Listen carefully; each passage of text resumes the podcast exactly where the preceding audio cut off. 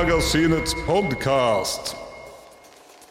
Hei, og velkommen til Filmmagasinets podkast. I dag bærer det opp mot nord, til et sted hvor vi hører lyden av snøscootere, regn som flokker seg, og vi skal snakke om en samisk kjærlighetsfilm denne gangen. Og der oppe er det kaldt, og i motsetning til den menneskelige varmen som vises i denne filmen, som da heter, og nå skal jeg prøve meg på et ord jeg finner svært komplisert å uttale, Ealiogierdu, tundrans voktere. Og i den sammenhengen så har jeg med meg regissør og manusforfatter Sara Margrethe Oskal. Velkommen skal du være. Ologito, tusen takk. Og vi har med oss Mona Hoel, som var den aller, aller første gjesten på vår podkast, sammen med Guri Glans i første episode. Velkommen tilbake. Tusen takk. Veldig hyggelig. Kjempekoselig.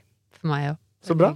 Mm. Og da skal vi rett og slett Jeg har jo sett filmen veldig nylig. Det er festpremiere i morgen. Og denne filmen handler jo om en kjærlighetshistorie som foregår oppe i nord. Men kan ikke dere, før vi stuper inn i filmen, snakke litt om dere selv for de som ikke kjenner dere så godt fra før? Og ja, fortelle litt om dere selv og deres bakgrunn. Ja, jeg heter Sara Margrethe Oskal.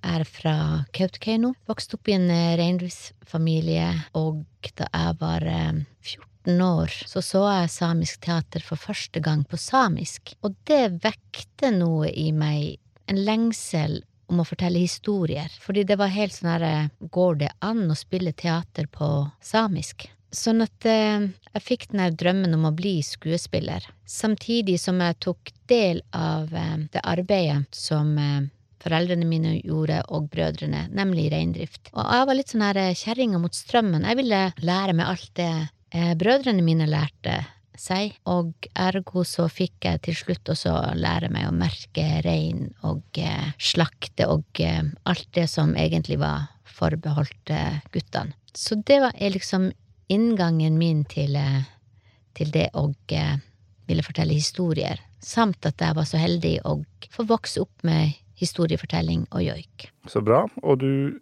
ser jo ut til, etter å ha sett filmen, at du har brukt mye av bakgrunnen din og historien din og kulturen din i denne filmen. Det stemmer. Det som skjedde når jeg var 19 år, var at eh, foreldrene mine spurte om jeg ville overta driftsenheten, som er lisens for å drive med reindrift. Og eh, jeg ble jo bare kjempestolt over det, og liksom, ja, selvfølgelig, selvfølgelig skal jeg gjøre det. Og gjorde også det. Det var ganske tøft, fordi jeg hadde veldig få kvinnelige kolleger, og det var ja, veldig mannsdominert, og det er et tøft yrke. Man skal være sterk, både fysisk og eh, mentalt, med å tåle alt presset utenifra, og også innifra. Sånn at eh, etter ti år så tok jeg det valget om å slutte med rein. Og i filmen så har jeg brukt mine egne erfaringer, akkurat i forhold til det, og liksom gleden og over å drive med reindrift, kjærlighet jeg har følt for eh, landskapet, reinen og alle andre som driver med reindrift. Og så den her tvilen at eh, Tvilen som sniker seg inn på, og, og som til slutt gjorde at jeg tok det valget med å selge alt. Jeg solgte alt. I dag eier jeg ikke rein, har ikke mitt eget reinmerke. Og det kommer veldig tydelig fram i filmen hvor hardt og vanskelig et sånt valg er. Det er mange ting man viser av samisk kultur og om reindrift i filmen, men det kommer veldig tydelig fram hvor vanskelig det valget er å ta. Ja, det er altså Når jeg tok det valget, da skjønte jeg ikke hvor mye det ville påvirke meg. Jeg visste ikke at jeg var så knytta til det livet, menneskene, vidda, reinsdyrene. Og så finne min egen sti, lage min egen sti utenfor det. Så arbeidet med denne filmen, manuset, altså skriveprosessen, opptakene, eller opptaksperioden, alt har hjulpet meg å finne tilbake til vidda inni meg sjøl, da. Du har også fått med deg Mona som produsent. Jeg så også at du hadde på en måte noe sånn estetisk ansvar. Eh, Hvordan kom Mona inn i bildet her? Og kan du også snakke litt om bakgrunnen din, Mona, for de som ikke kjenner deg så godt? Ja, altså jeg er jo primært manusforfatter, regissør og produsent for egne filmer, men jeg var så heldig å møte Sara Margrethe på et, eh, et slags lederkurs for kunstens kvinner i 2012 og 2013, og da pitcha Sara, eller vi pitcha alle ting for hverandre der, men Sara pitcha da en kjærlighetshistorie som var en ganske annen enn den er nå. Eh, men jeg ble veldig nysgjerrig, og eh, så fant vi sammen og tenkte at det eh, skal vi se om vi klarer å jobbe mot. Og aller først, siden Sara ikke hadde filmerfaring, men masse skuespillererfaring og skriveerfaring, så tenkte jeg at vi må lage noen kortfilmer. Så vi lagde to kortfilmer. Den ene heter Nordlyset ser deg, og den andre heter Solas datter, som også har vunnet pris i Frankfurt bokmesse filmpris.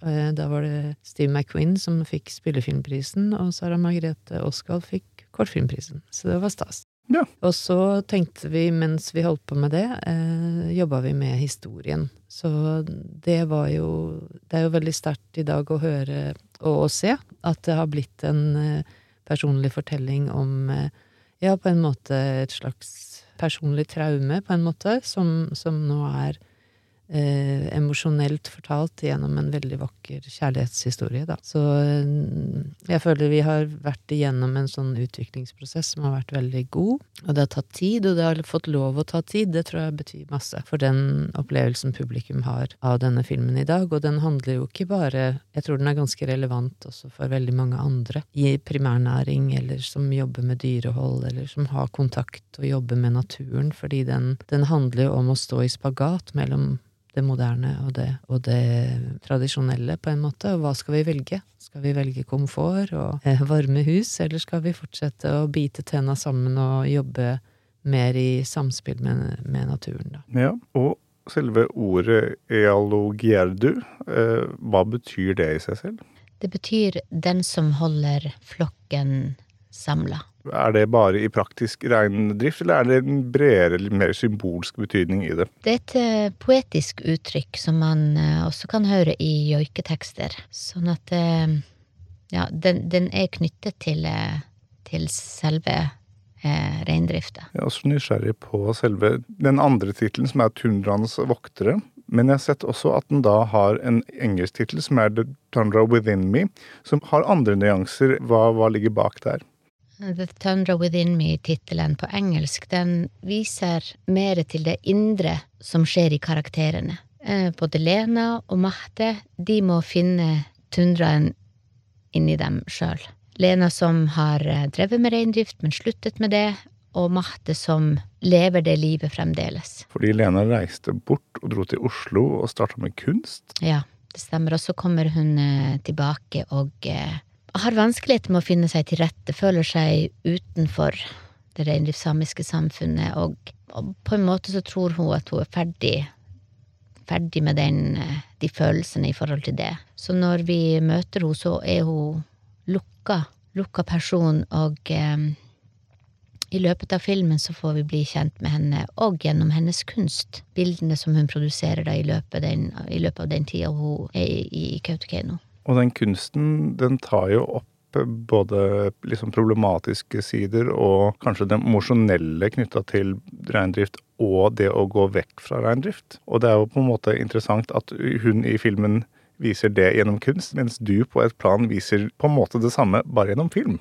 Ja, vi var så heldige å få samarbeide med, med Marhana Sara, som har eh, lagd de her eh, bildene, motivene, og gjennom det, gjennom de bildene viser Lenas indre reise.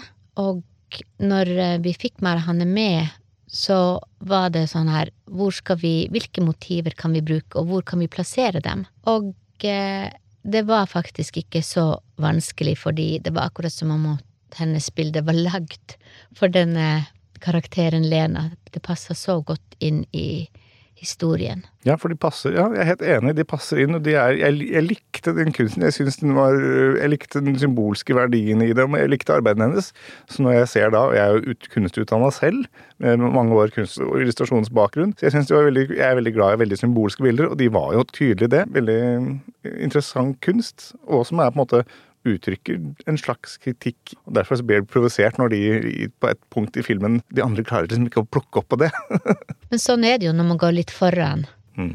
Så Marahan eh, Sara har jo fortalt at hun har fått eh, ja, ikke så fine kommentarer akkurat på noen av hennes eh, motiver, da. Det er mange gode ting man kan si om kunstverdenen, men den kan også være ganske brutal. Mm.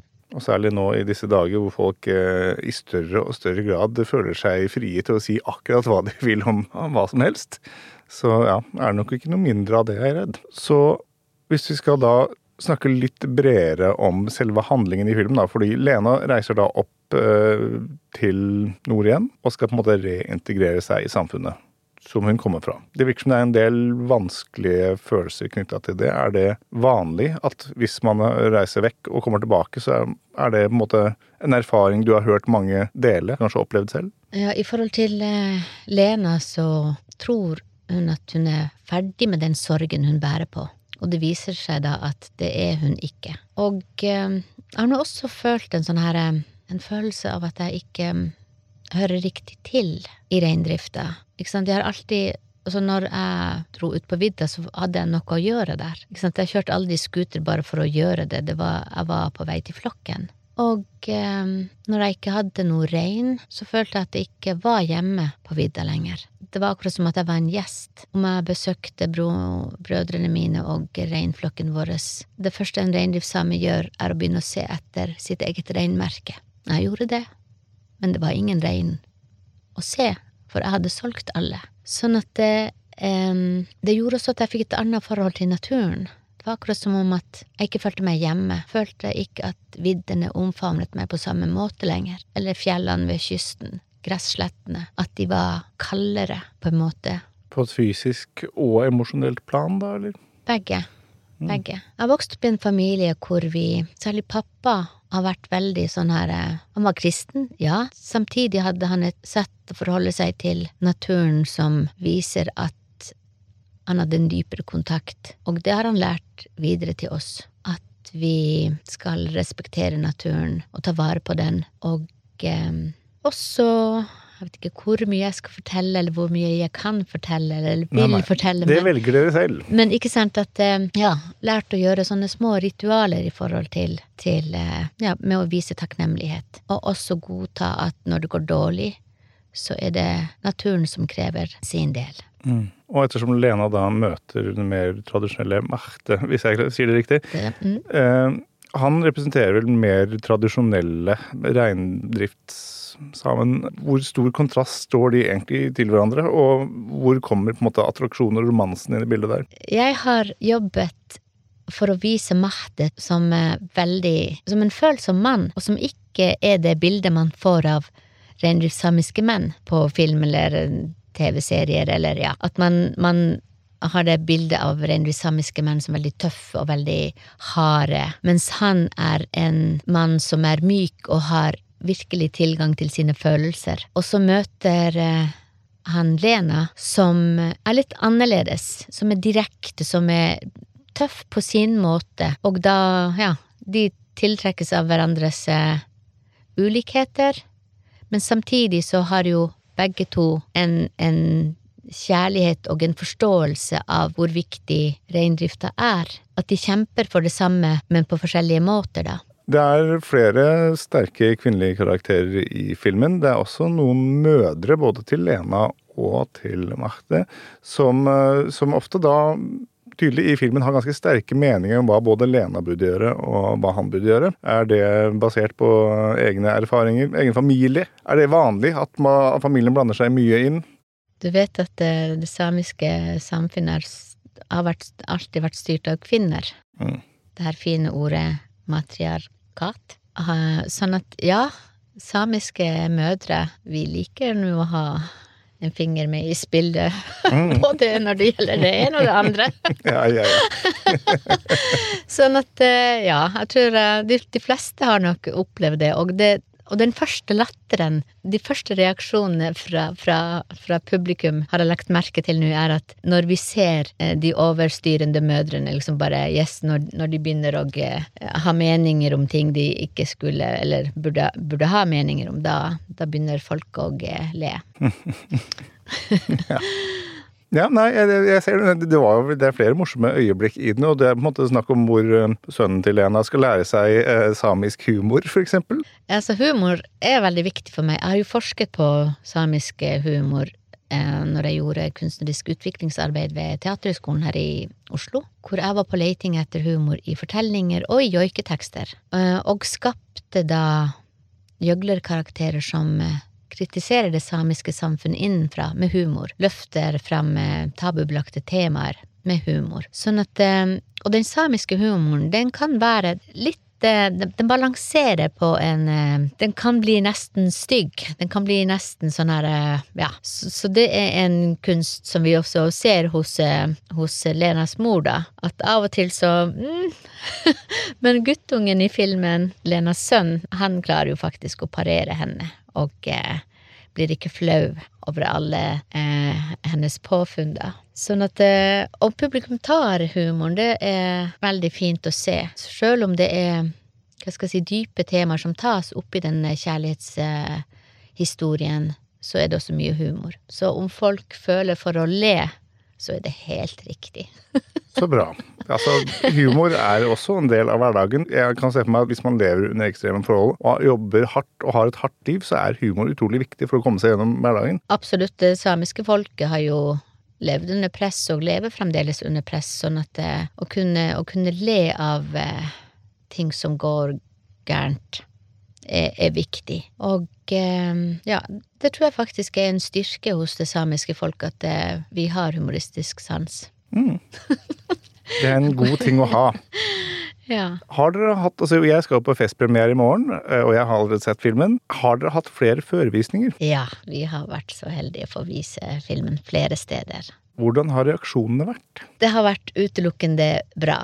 Publikum åpner hjertene sine for filmen og historien, og eh, når man sitter der i salen og kan føle spenningen i rommet, høre alle reaksjonene, latteren, det er, det er bare helt, helt fantastisk fint og jeg blir virkelig påminnet om hvor viktig denne typen filmer er, hvor vi kommer inn på det menneskelige planet. At det som skjer imellom disse karakterene, blir beskrevet på en veldig troverdig måte. Og så er den jo universell. Altså, vi var jo i Toronto og viste filmen, og denne tematikken som jeg var litt innpå i stad, er jo universell. Altså, vi står jo alle i en slags sånn squeeze akkurat nå, og vet ikke helt hva fremtiden bringer, og jeg tror det er veldig mye mørke og kaos i verden, og så kommer denne veldig nære historien inn og sprer en type håp, og jeg tenker også veldig på at det er veldig mange unge i dag som ikke har fremtidstro, og jeg tror at uten eksempel Det er mange, veldig mange unge som ikke vil ha barn, og da tenker jeg at nei, nå gjelder det tvert imot, som Matte og Lena bestemmer, at de skal fikse dette sammen, og de skal kjempe for framtiden. Og så må jeg si til publikum at bare, og de unge særlig, da, at dere må få barn. Det er fremtiden. Og denne filmen gjør jo den Den på en måte forbereder, tror jeg, folk på at vi må se fremover, da. Det er håp i verden, og det bor veldig mye i det nære. Hvis vi hele tiden forholder oss til det store bildet, så kan man bli helt svimmel, ikke sant. Mens derimot, når man trekker det ned, som Sara gjør i filmen, på de små detaljene og det å overleve og hverdagen og de små valgene og hvor stor betydning de får, så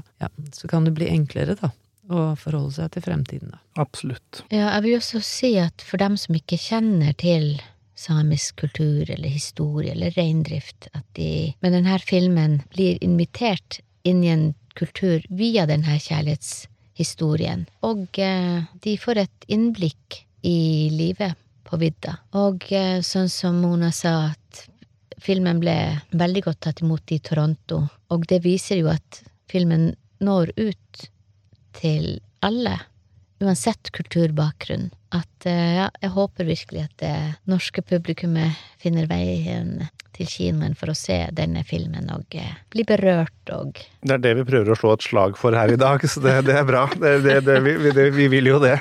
Så absolutt, det er planen. Eh, men hva har vært den største utfordringen med denne filmproduksjonen? Jeg er også litt nysgjerrig på hva, hva har vært det hardeste med å få til det prosjektet her? Jeg tror, bare med å svare litt kort på det, at det som gjelder i dag, som også vi står i, vi som lager film, det er jo at helst skal en film ha et navn, en filmstjerne. Skal helst ha en garanti om at den kan bli sett av 200 000 mennesker. Eh, det er jo utfordringen med, tenker jeg, som produsent, er å få eh, de som sitter på noen penger, til å, til å tro på prosjektet.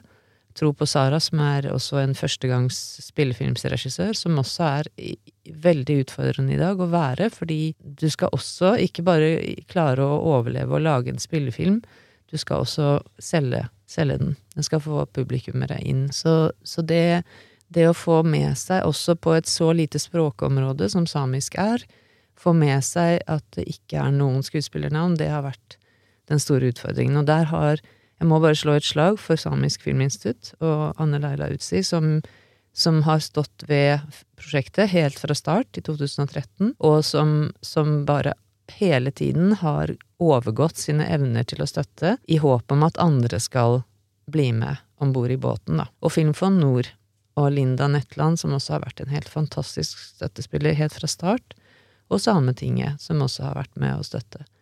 Og da, da er det de som er hovedsponsorene, sammen med Freedom from Fear-selskapet mitt, da. Og det, det å gjennomtro nok på det selv har vært det tøffeste for meg, men jeg kjenner sånn at det angrer jeg overhodet ikke på, og det er også noe som jeg tar med meg videre til mine egne filmer.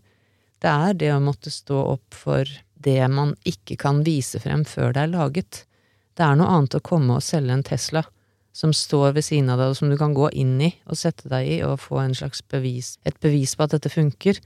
Eller du har lagd James Bond, som er et, et varemerke, eh, men, men, det å stå ved noe og tro så mye på det at det til slutt blir noe, det er kjempebra. Det er en veldig god følelse. og desto morsommere er det da at den er universell, og den er, kommer til å være tidløs. Denne filmen kan ses om 20 år, og det vil ikke, det vil ikke gjøre noe forskjell. Fordi tematikken er tidløs. Man vil alltid stå i en tvil, ikke sant. Det, det, å tørre å stå opp for kjærligheten og stå imot mora di og hva hun syns om kjæresten din, det er på en måte en tidløs faktor. Men utover det har det bare vært gøy. Så ingen andre utfordringer enn det. ja. Det var Ingen andre. Det er ikke dårlig. Det er ikke dårlig. mm. Skriveprosessen har jo vært tøff. Mm. Særlig når man får uh, nei og nei og nei.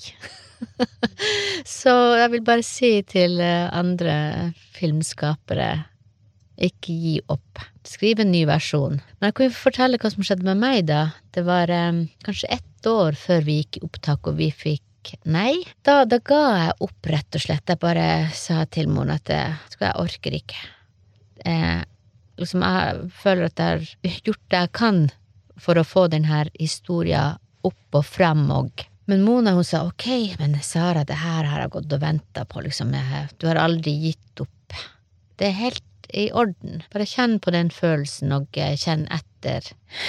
Kanskje du, du finner noe annet i den historien likevel. Så da Det som skjedde da, var at jeg sletta alle scener som jeg følte ikke hørte til. Ikke sant? Når man møter konsulenter, og man er liksom Yes, jeg vil ta imot råd, og ja, jeg vil teste ut det, jeg vil teste ut det, og plutselig så sitter man der med, med scener som kanskje ikke gir noe til grunnhistorien, det som er det viktigste. Så da, eh, akkurat nå så husker jeg ikke hvor mange scener som bare sletta, sletta, sletta, og satt igjen med, med kjernehistorien. Og uh, når jeg leste igjen de og så på reginotatet mitt, så tenkte jeg at Nei, jeg skal ikke gi opp. Denne historien har så mye dybde at jeg skal gå noen runder enda.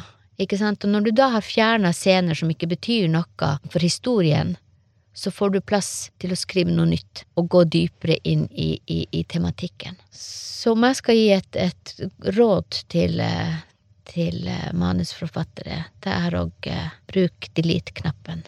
Slett. Og gjør plass til uh, nye ting. Så bra. Eh, og det er jeg helt enig med deg Man må ikke gi opp. Man kan ikke gi opp. Og det er et råd, for jeg prøver ofte å få noen eh, kloke ord ut av alskens skuespillere, regissører, produsenter og manusforfattere. Og veldig, veldig, veldig mange sier at man ikke må gi opp. Og det er ikke lett alltid å ikke gi opp. Nei, det er det, det, er det ikke når man ja, man begynner jo å tvile. Begynner å tvile på historien, begynner å tvile på seg sjøl som manusforfatter, begynner å tvile på seg sjøl som regissør. Men jeg tror at når, eh, når man kommer til, eh, til kjernen av, av, det man vil fortelle, så, så finner man også styrke til å gå videre. Akkurat sånn som karakterene i filmen.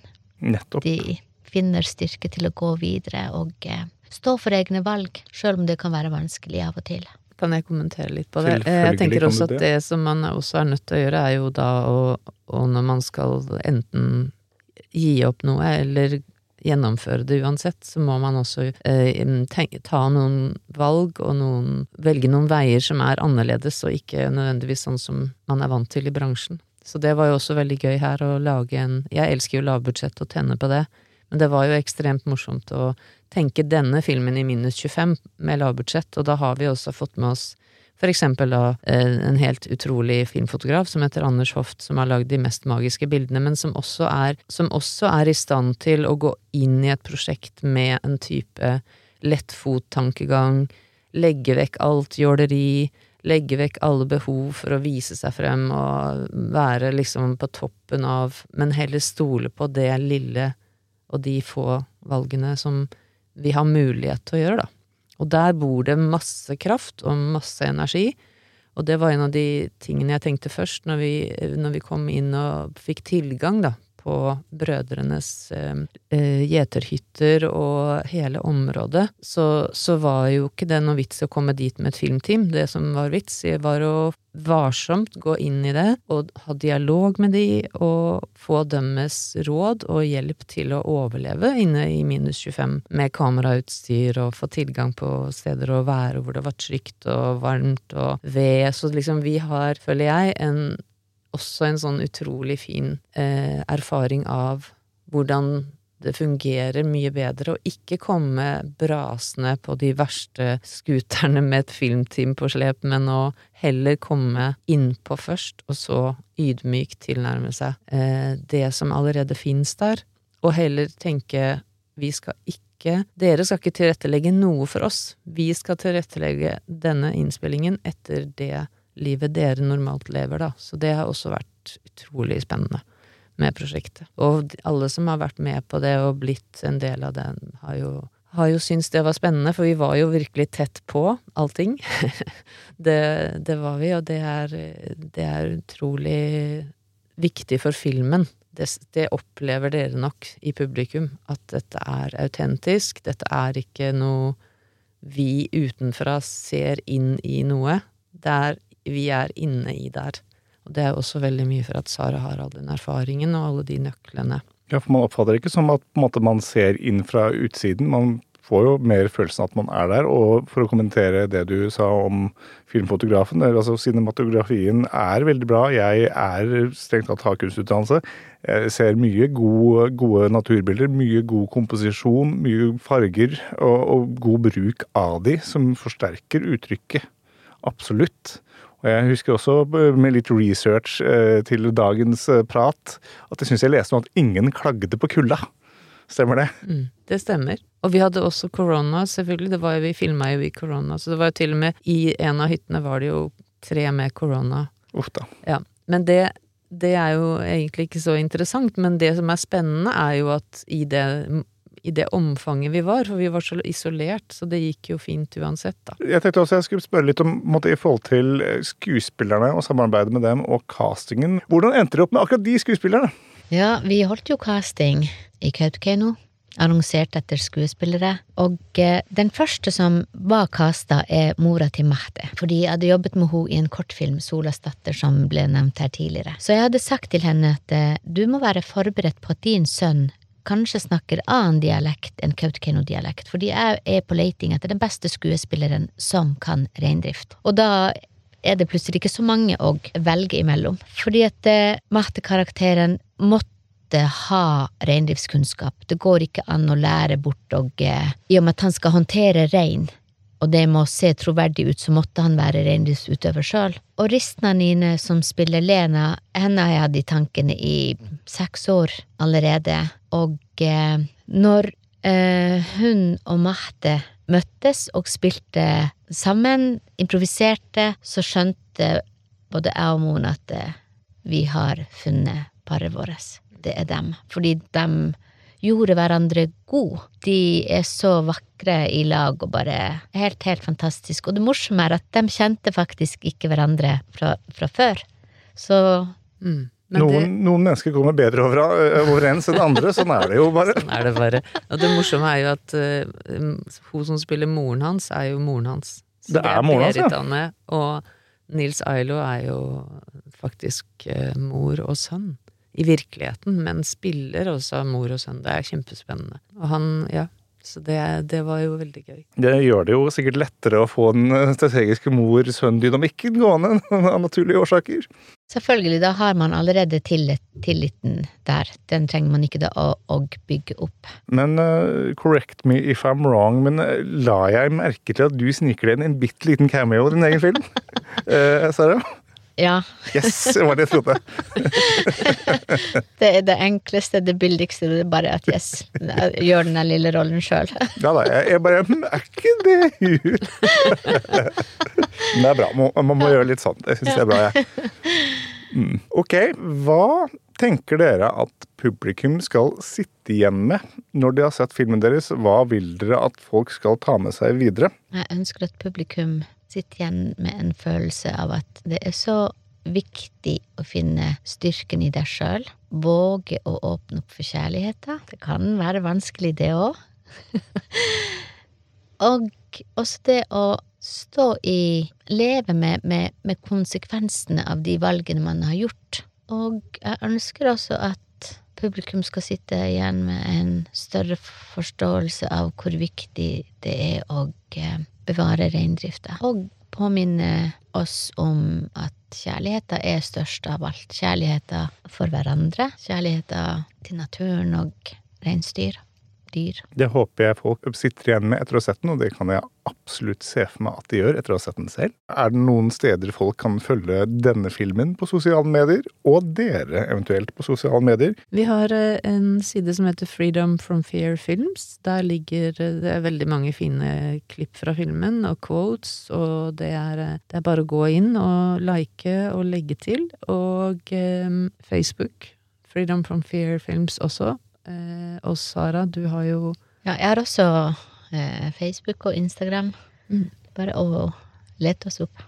Tusen takk for at dere kom for å snakke om filmen deres i dag. Jeg håper alle folk går og ser den på kino 9. februar. Og i morgen, på samenes nasjonaldag, så er det faktisk visninger på 20 kinoer over hele landet. Og på en av dem skal jeg. Så bra. da ses vi der. Det gjør vi. Og tusen takk for at dere kom. Veldig bra. Lykke til videre med filmen, og Tusen takk for at eh, vi fikk komme. Veldig Tusen hyggelig. tusen takk. Perfekt avslutning. Følg oss på Facebook under navnet Filmmagasinet, på Instagram under navnet filmmagasinet.no, på Twitter med at filmmagasinet, og nå, helt nytt, på TikTok med at filmmagasinet. Med oss i studio har vi Lilla Lyd, som styrer lyd og teknikk. Introgenetten er laget av Francesco Hygen Pudo. Tusen takk til Bauer Media for godt samarbeid og utlån av studio. Ansvarlig redaktør for Filmmagasinet er Eirik Bull, og mitt navn er Tor Aaberg.